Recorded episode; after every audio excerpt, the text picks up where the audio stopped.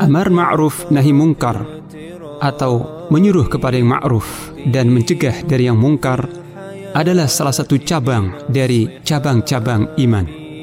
Hukumnya wajib sesuai dengan kemampuan masing-masing.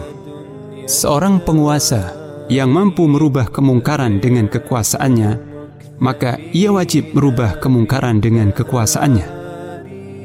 Siapa yang tidak memiliki kekuasaan dan ia hanya mampu merubah kemungkaran dengan lisannya, maka ia wajib merubah kemungkaran dengan lisannya. Adapun seseorang yang tidak mampu merubah kemungkaran, baik dengan kekuasaan atau dengan lisannya, maka ia wajib membenci kemungkaran tersebut dan berharap segera lenyapnya kemungkaran tersebut serta berlepas diri darinya.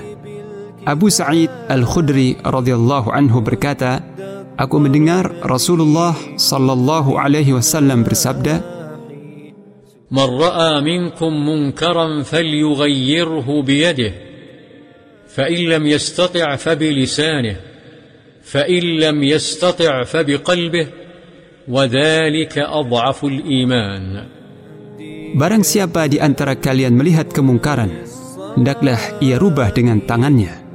Jika tidak mampu, hendaklah dengan lisannya. Jika tidak mampu juga, hendaklah dengan hatinya. Itulah keimanan yang paling lemah.